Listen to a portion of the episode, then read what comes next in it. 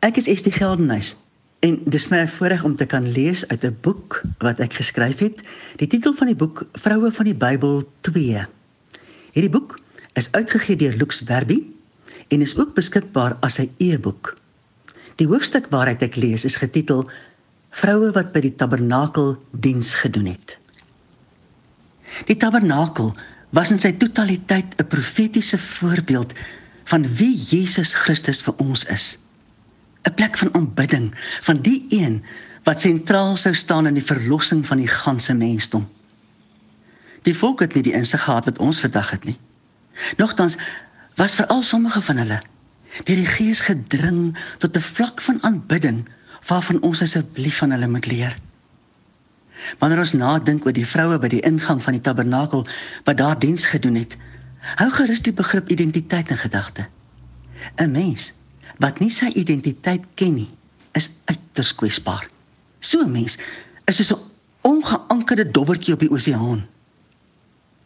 Besaliel het die opdrag gehad om vir die priesters 'n waskom te maak wat in die voorhof gebruik is.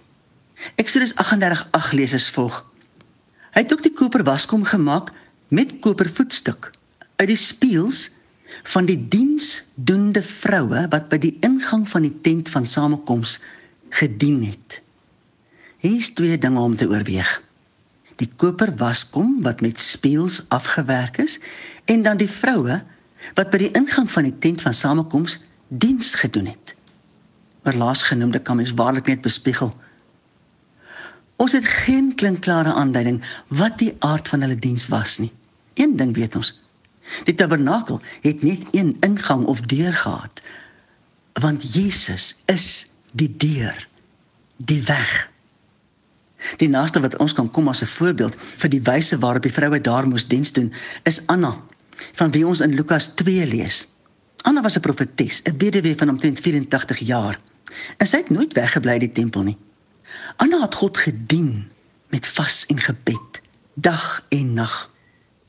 So die aard van die diens van die vroue by die ingang na die tabernakel ook geskied het deur vas en gebed.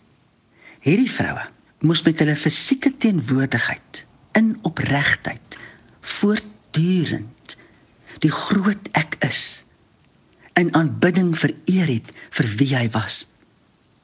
Hulle aanbidding moes 'n atmosfeer van die heilige teenwoordigheid van die Almagtige help voed het. Onthou toe Jakob gaan slaap het op die plek waar sy oupa Abraham 'n offer gebring het, het engele van die aarde af opbeweeg na hemelse plekke en weer neergedaal. Die engele was op aarde. Abraham se offer het op daardie plek 'n poort na die hemel oopgemaak waardeur engele kon kom en gaan. Ook by die tabernakel moes daar 'n soortgelyke poort na die hemel gewees het. Dit is tog waar die hele volk kom offer het. Hierdie vroue het die voorreg gehad om die teenwoordigheid van die Almagtige daar te beleef. Dit is so ontzagwekkend dat hulle nie anders kon as om hulle aanbidding van hom dag en nag vol te hou nie. Boonop het die diens van hierdie vroue waarskynlik tot gevolg gehad dat elkeen wat die tabernakel besoek het, ook die teenwoordigheid van die almagtige ek is daar beleef het. En vandag is dit nou Moedersdag. En op Moedersdag is daar gewoonlik baie mense wat kom en dankie sê en hulde bring en ag blomme en wat nie alles nie. En vandag is ons nou almal opgesluit en ons kan maar net met die wat by ons is, kan ons dit geniet. Maar ek wil met hierdie voorlesing vir almal wat moeders is in hierdie dag vra.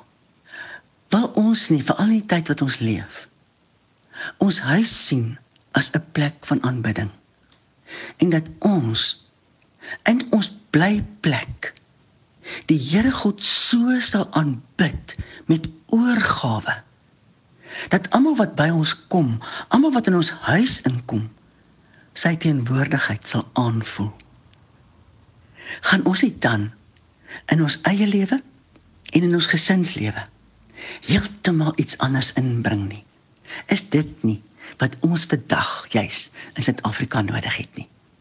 Ek dring jou Kom ons neem hierdie besluit. En ons begin om ons Here God waaragtig in ons huise so te aanbid dat ander sy teenwoordigheid in ons huis sal aanvoel. Mag jy 'n baie geseënde en 'n vredevolle dag hê.